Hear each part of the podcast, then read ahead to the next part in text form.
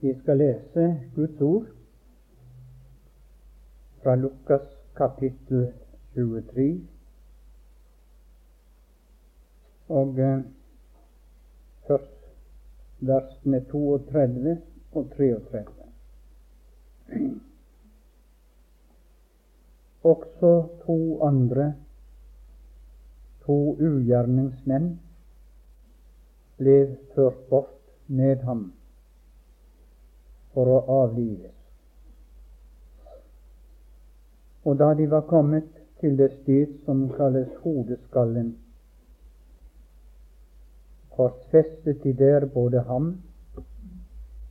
og ugjerningsmennene, den ene på hans høyre og den annen på hans venstre side. Vers 39 følgende. En av ugjerningsmennene som hang der, spottet ham og sa:" Er ikke du Messias? Frels deg selv og oss.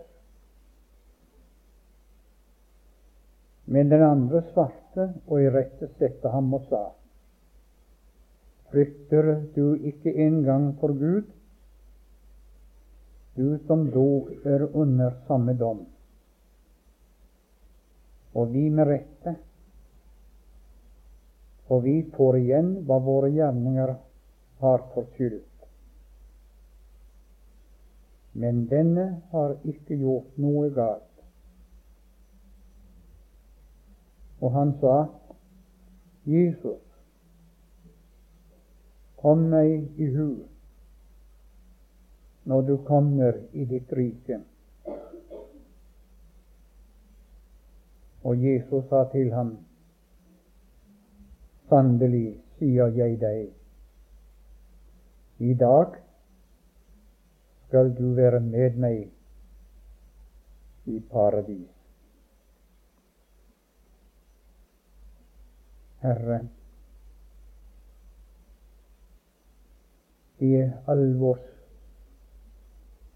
de alvorsmettede minutter når dette hendte,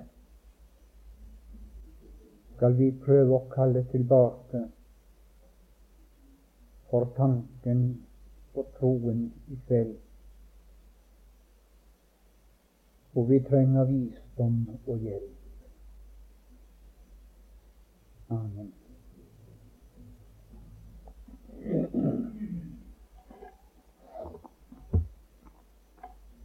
Som du hører,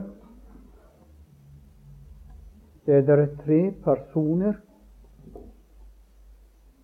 som omtales i det oppleste. Og vi må snakke noe om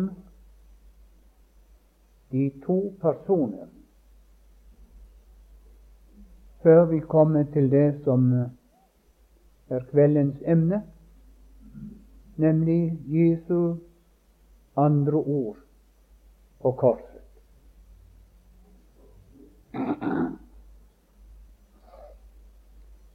Når vi ser på det som et hele, så kan vi godt ta opp flere bestikk av det oppleste eller denne hendelsen. Vi kan godt si at her framstilles den enkleste måte å frelses på. En synder ber, en Jesus svarer.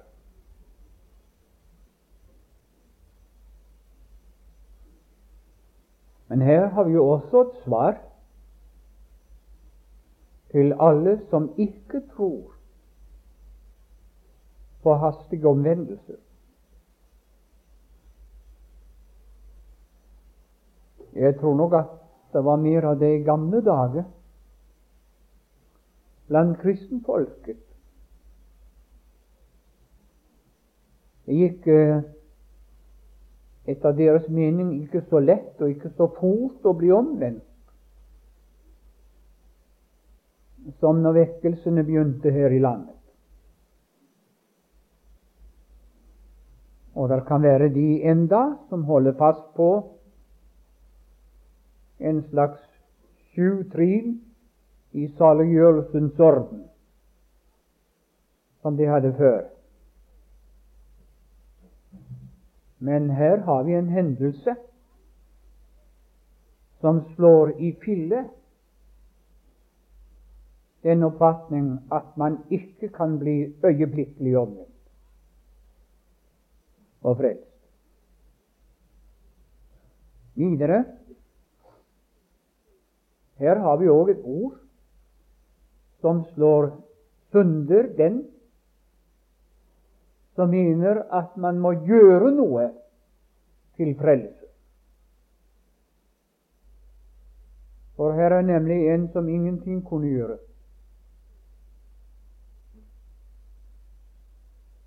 Han var naglet til et kors. Men det er også en hendelse som tusende har gått fortapt på. Hva sier du? Ja.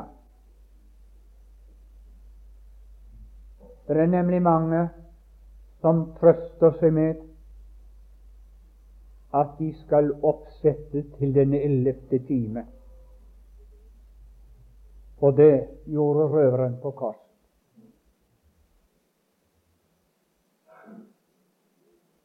Og det er rett og riktig for så vidt at det er frelse i den ellevte time. Men det du ikke vet, og jeg heller ikke, det er om måten vi skal dø på. Og den kan være slik at det ikke blir noen ellevte time å bli frelst. Det er der bedraget ligger. Og mange oppsetter med omvendelsen og trøster seg med røveren på korset. Og så kommer ingen ellevte time i deres liv. Den hadde de når tanken var klar og alt var vel, og før de stupet i marken ved hjerteanfall som er så vanlig nå, og stupet dypere ned med en gang.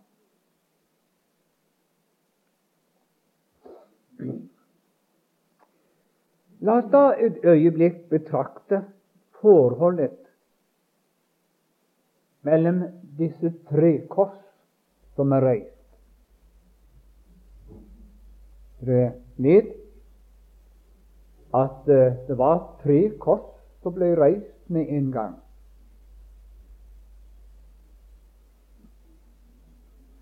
Og det som sies først, gang på gang, det er at Jesus han er hengt opp på et kors midt imellom to. En på hans venstre og en på hans høyre side.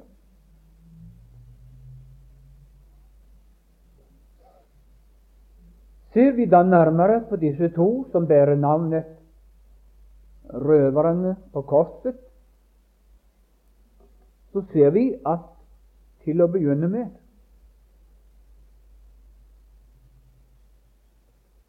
så hadde de begge fysisk kraft til å spotte ham på det midterste kors. Spotte de begge to? Ja. Det forteller Matteus 27, 44.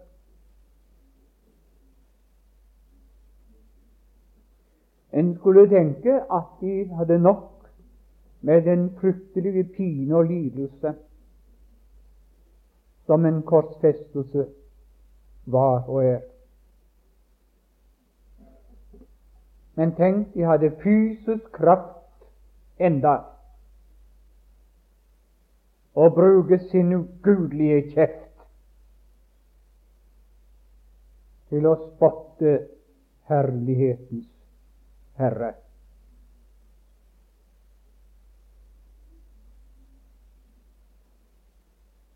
Men så hender det underlige.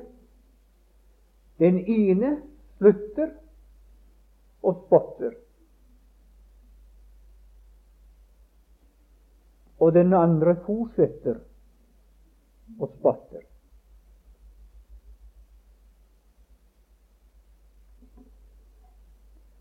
Den ene erkjente sin skyld og sin synd og mente at vi lider det vi har fortjent. Den andre tiet om seg selv, men fortsatte å spotte.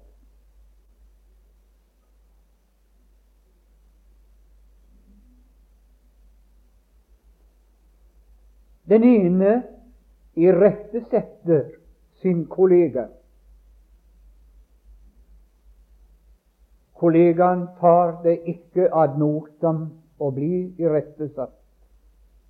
Han fortsetter og spotter.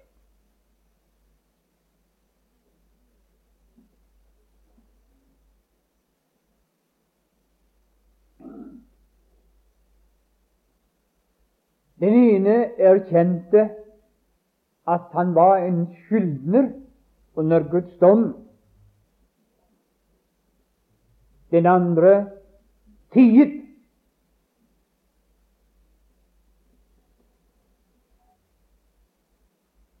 Den ene vendte seg i bønn til han på det midterste kors og ble frelst den andre tiet og gikk fortapt.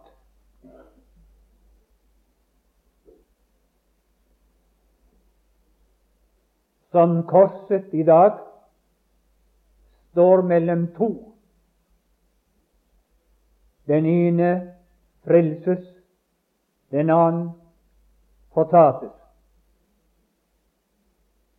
Sådan står Kristus i dag midt i menneskeslekten gjennom korsets ords forkynnelse.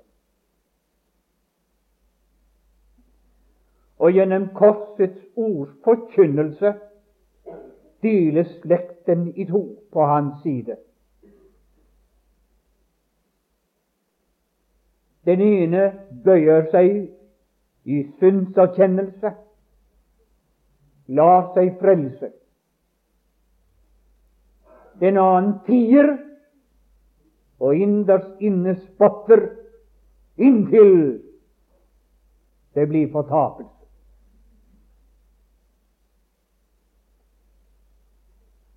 Og må jeg så få spørre på hvilken side er du som sitter her i kveld?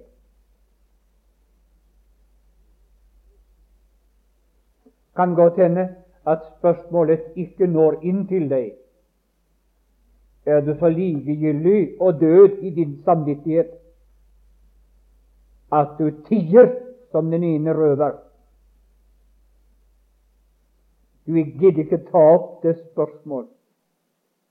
På hvilken side er jeg?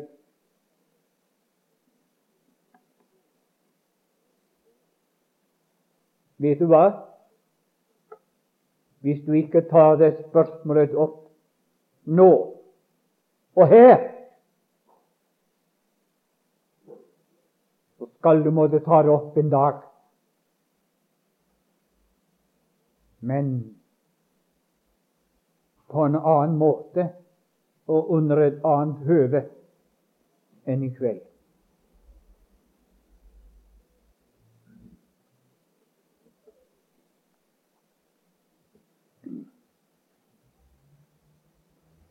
Vi går et skritt videre og betrakter utviklingen som fant sted hos denne røver som vi betegner den frelste røver.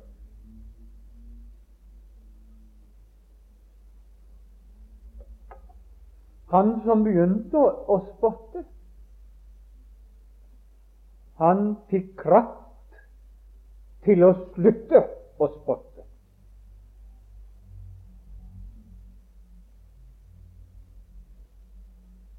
Det å spotte Kristus i dag det går for seg på ofte en finere måte enn å spotte ham direkte. Det er nok å spotte en av hans små på jorden, en av hans sendebud, for det regnes i himmelen som spott imot Guds sønn.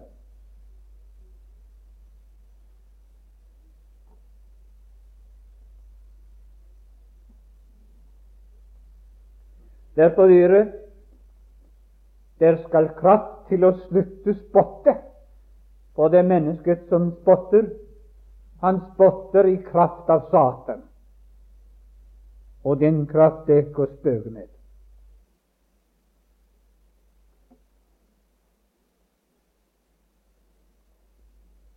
Videre han erkjente sin skyld. Vi lider det vi har fortjent. Videre han ble fylt av Guds frykt. Altså, det er to slags gudsfrykt.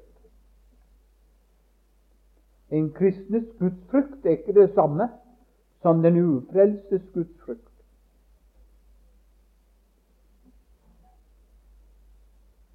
Den ufrelste bør og skal frykte Gud ved tanken på dommen som er i vente, og som Gud skal felle over ham en dag.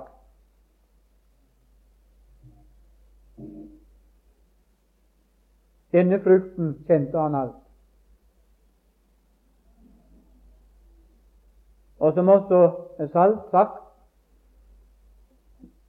Gudsfrykten var så sterk at han også bevarte advarte sin kollega.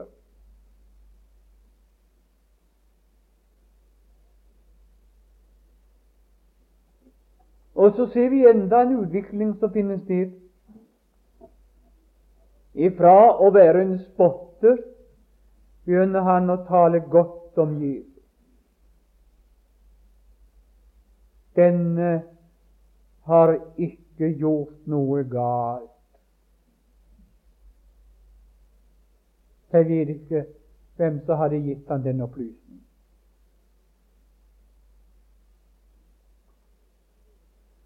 For ganske sikkert, til å begynne med, så regnet de seg alle tre, altså ikke Jesus, men de to røverne regnet de tre i en og samme klasse. De er opphengt her som forbrytere, og som skal dømmes til døden for noen. Han der på det midterste kors, han gjør seg selv til Messias og Gud. Så spotter han Gud på den måten. Etter hva folket droppet som sto nede. Men det skjer en merkelig forandring. Han blir omsnutt i sitt indre slik at han begynner å tale godt og vel om Jesus.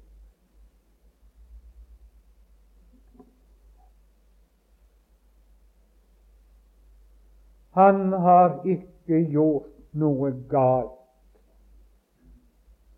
Kan godt hende han hadde vært på avstand så mange en gang og sett alt det gode Jesus hadde gjort. Helbredt syke, mettet mange, frelst mange, hjulpet der og hjulpet her. Og så bare utakk for det hele.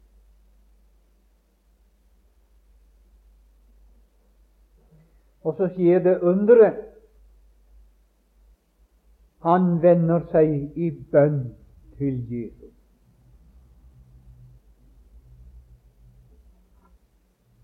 Det er blitt klart for ham hvem Jesus er. Han er noe mer enn et alminnelig menneske. Han må være en som tilhører et annet rike, og gå til et annet rike enn det riket vi to går til gjennom døden. Og så vender han seg til Jesus med denne kjente bønn. Jesus, kom meg i hu når du kommer i ditt rike.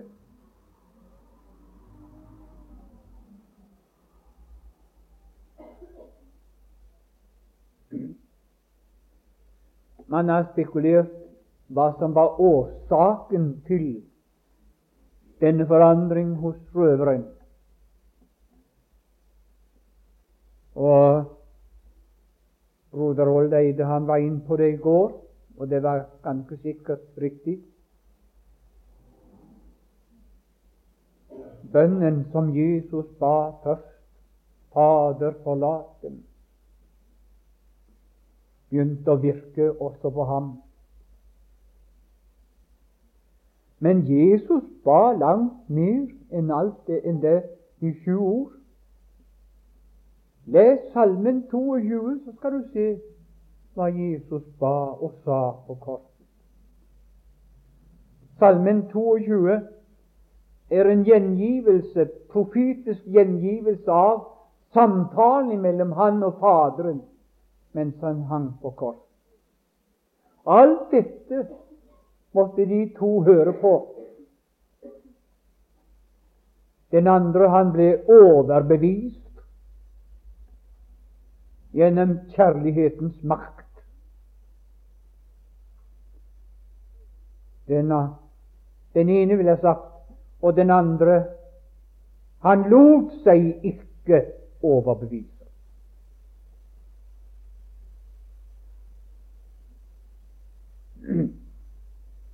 I årevis her i landet, blant forkynnergruppen, leg og lærd, som det heter, så er det ofte diskusjon hva man skal benytte mest i forkynnelsen. Loven eller evangeliet.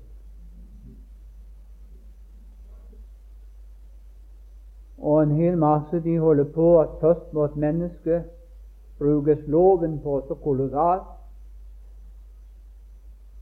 at de ligger der og svimeslått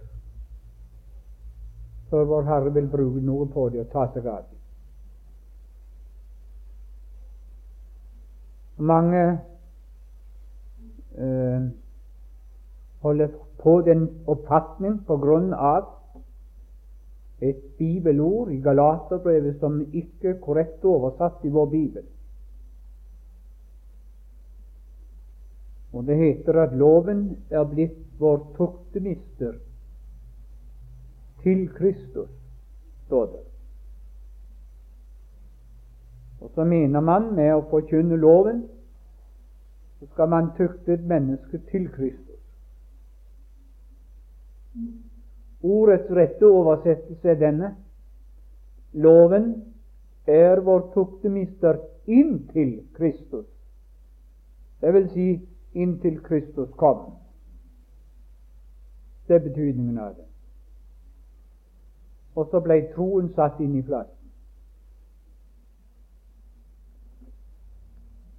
Jeg tror vi gjør rettest i å huske hva Jesus sa om Den hellige ånd.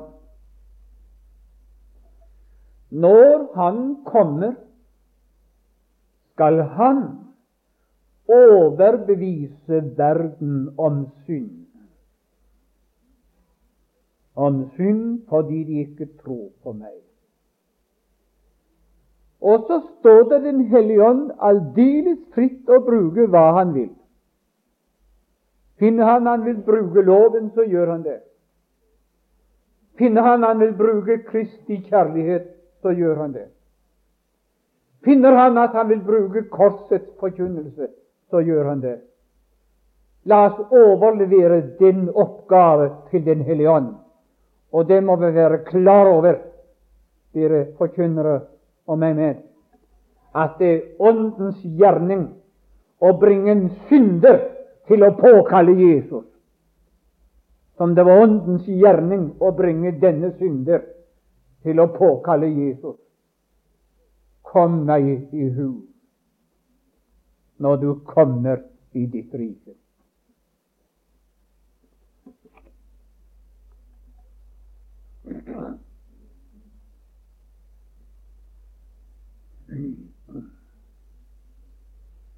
Så får vi se da på dette Jesus svar på hans bønn. Han fikk dette deilige svar, som begynner med en guddommelig ed. Sannelig, det er Guds ed. Sannelig sier jeg deg, i dag skal du være med meg i paradis. Alle er vi sikkert enige om at å få et slikt ord, det er nok til frelse. Det er ikke et ord i Bibelen som forteller at røveren hadde mer å si da.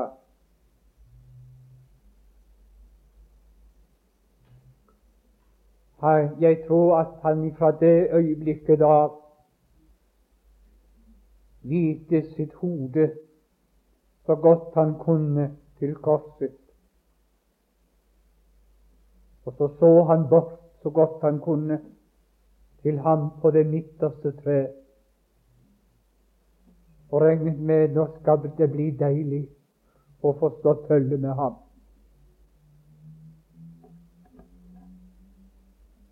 Han har endog svoret på jeg skal bli med ham.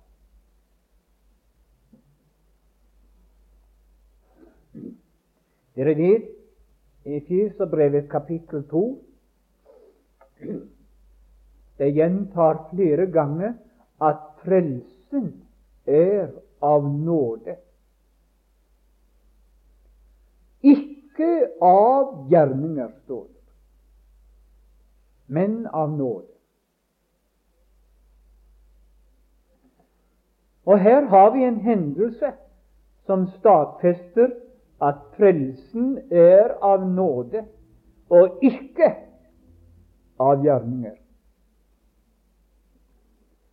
Han kunne absolutt ingenting, og de kunne absolutt ikke gjøre noe med ham. Om han forlangte dåp, så var det ingen som kunne ta fatt på å døpe noen av de forhold.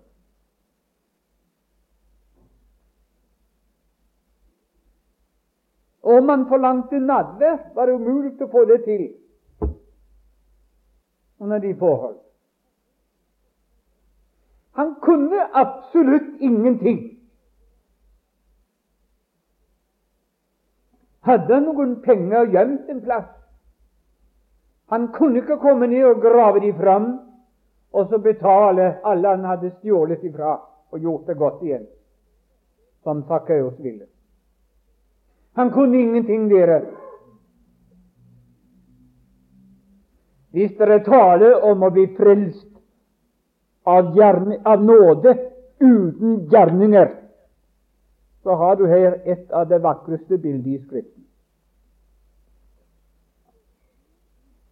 Men la han stå som et talende budskap fra himmelens Gud til deg, at du må frelses på samme måte. Det vil si, du behøver ikke korsfestes, og du behøver ikke være en røver. Skjønt i en betydning er vi det alle sammen. Og vi hørte også til å begynne med vi har røvet Guds ære, så mange av oss.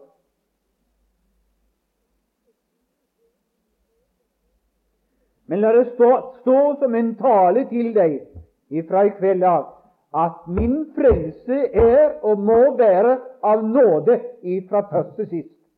For det er ikke annen frelse som tilbydes et menneske fra Guds side i dag. Der går noen iblant oss som som kjemper og sier at de kan ikke komme til frelse. Vi har det kanskje her i kveld òg. Vet du hva jeg tror er årsaken? Årsaken er at du vil gjøre noe sjøl. Du vil ikke godta at frelsen er av nåde. Og så vil du få til noe gjerninger selv. Om ikke annet få til en bedre tro, varmere bønner og bedre synserkjennelse og bekjennelse. Og så går alt i stykker for deg.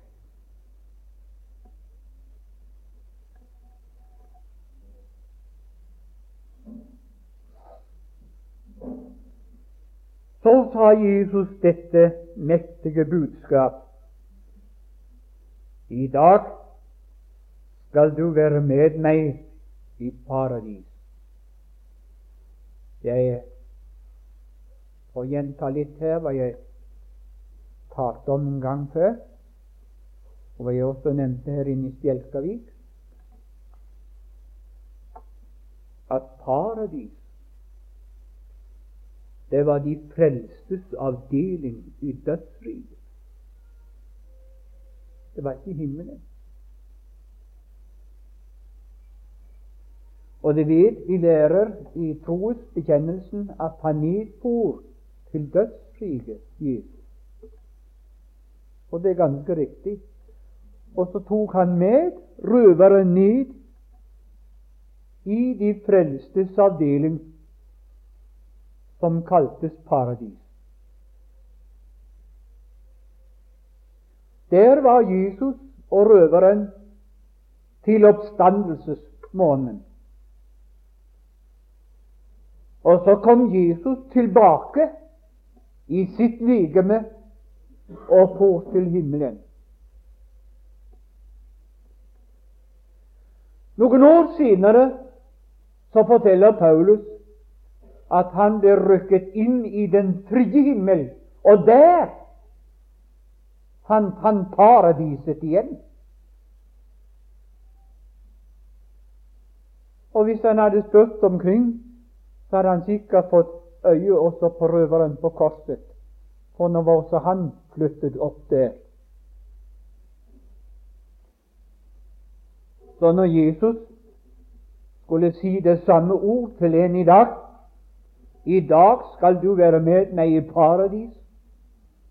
Så ble det ikke å gå ned i dødsriket nå. Der har han vært. Der har han gjort sin gjerning. Nå er han hjemme i himmelen. Og der går alle troende som dør i troen på den Herre Jesus.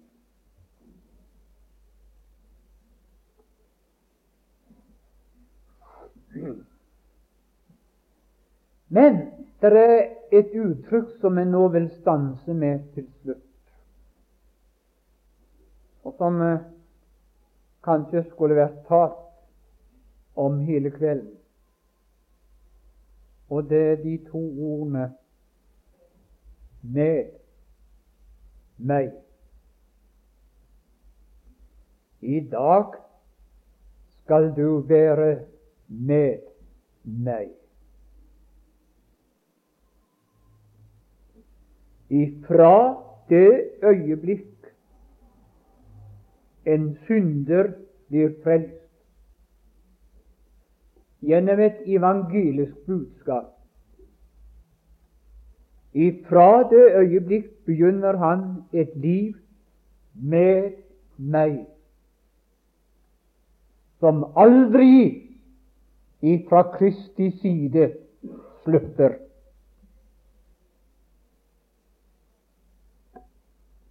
Vil du huske det? Der kommer aldri en dag i ditt liv på jorden og i evigheten som Kristus sier nå kan jeg ikke med deg lenger, nå får du gå din vei. Aldri, aldri.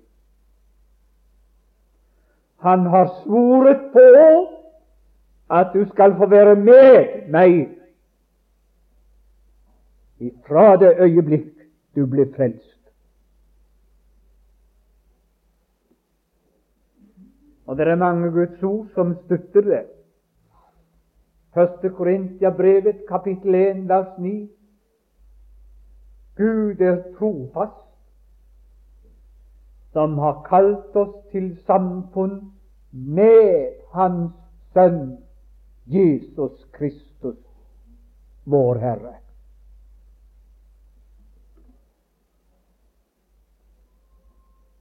De gildeste stunder her på jord. Det å få oppleve det samfunn. Det har jeg opplevd i fly, det har jeg opplevd på båter, det har jeg opplevd på mine reiser rundt i ca. 50 år. Og når du får oppleve og smake hans nærhet og det samfunn, da er det så ofte at gledestårene kommer fram.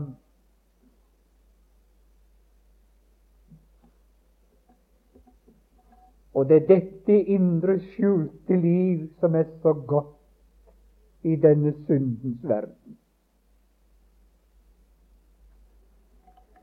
Du er kalt til samfunn med ham her på jord.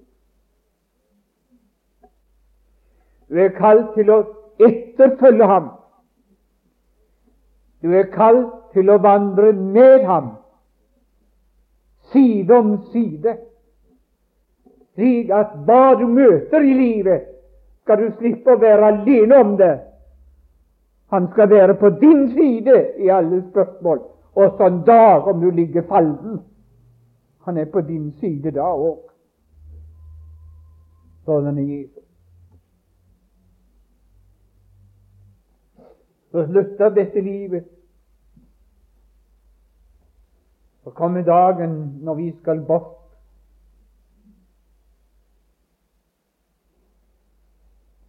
Eh, vet du, det er noen som leser Bibelen, om det har lagt merke til at Bibelen oppfordrer oss i massevis til å komme, komme, komme, komme til Jesus. Kom til meg, alle dere som strever og har tungt å bære. Kom, om eder synder er som purpur. Den som kommer til meg, vil jeg ingenlunde støte ut. Men det merkelige er ingen plass er der sagt et 'kom' i forbindelse med den troendes død.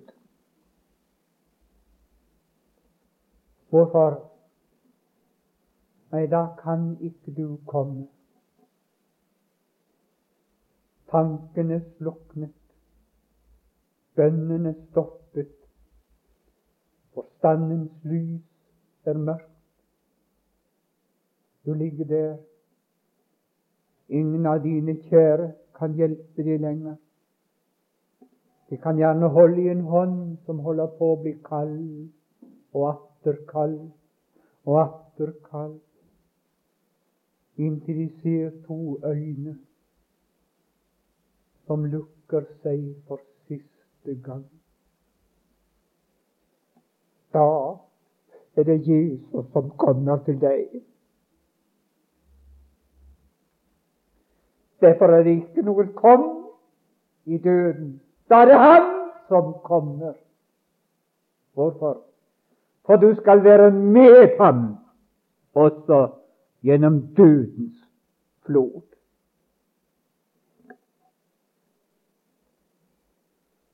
Så en dag i framtiden, halleluja for den dag.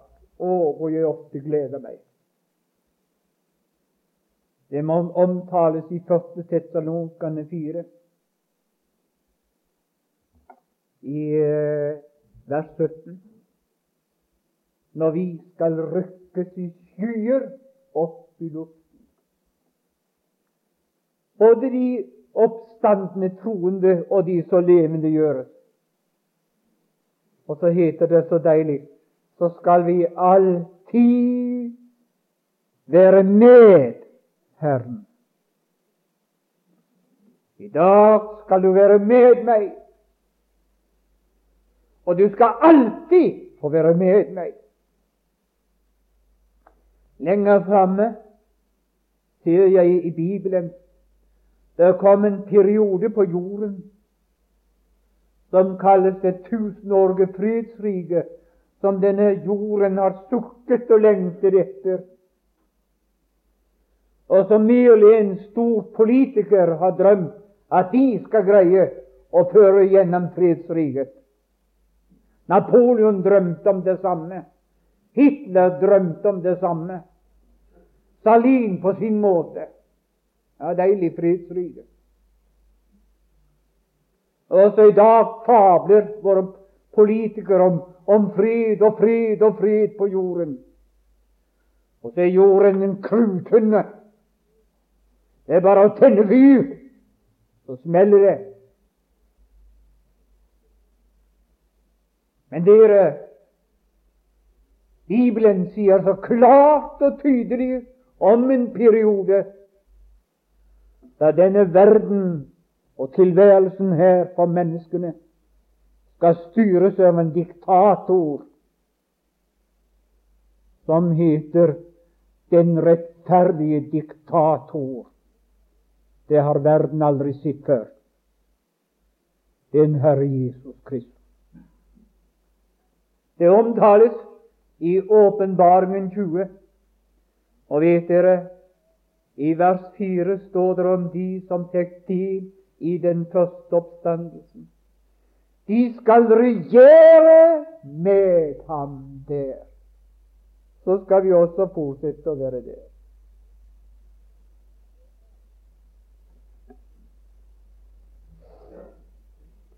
Og Det siste bildet vi ser, det er avslutningen når det siste skaperverk er framme i form av en ny jord så flytter Kristus ned til jorden med hele sitt frelste folk.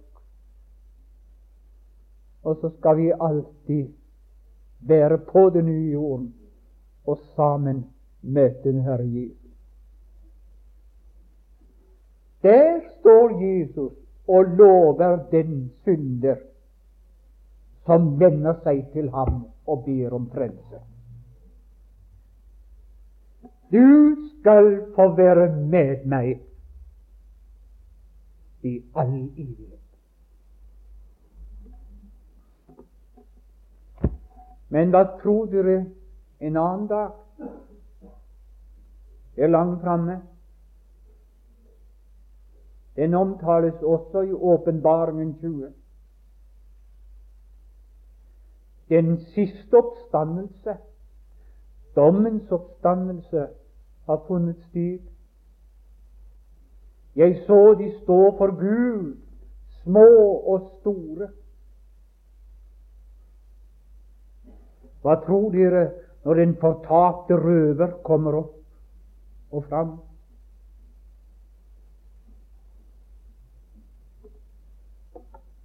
Nå står han ansikt til ansikt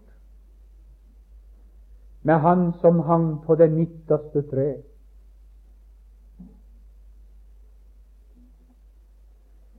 Og jeg er redd for at han fortsetter å spotter.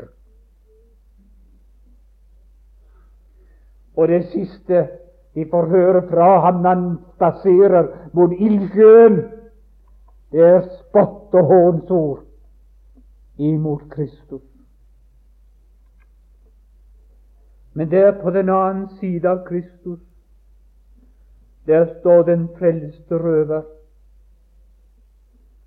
og så vinker han til sin kollega. Å, hadde du bare vendt deg imot ham på korset, hadde alt vært i orden, og du sluppet ildsjøen.